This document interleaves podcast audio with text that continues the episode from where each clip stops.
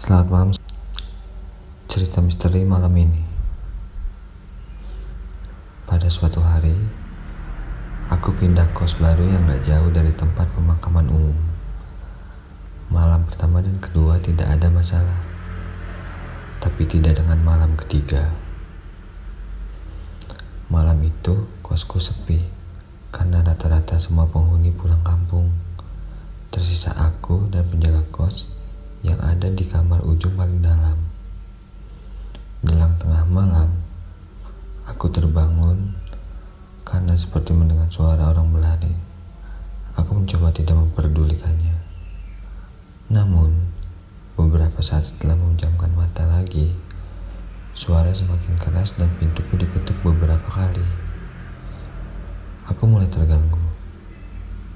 Dan aku melihat keluar tapi tidak ada orang. Kegelapan sepanjang lorong, hanya ada cahaya di ujung lorong, yakni kamar penjaga kos. Aku mulai kebingungan. Aku mencoba untuk tetap berpikir positif.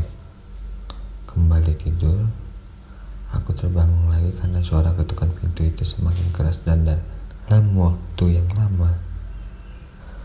Aku putuskan untuk keluar kamar dan berjalan pelan-pelan sepi itu.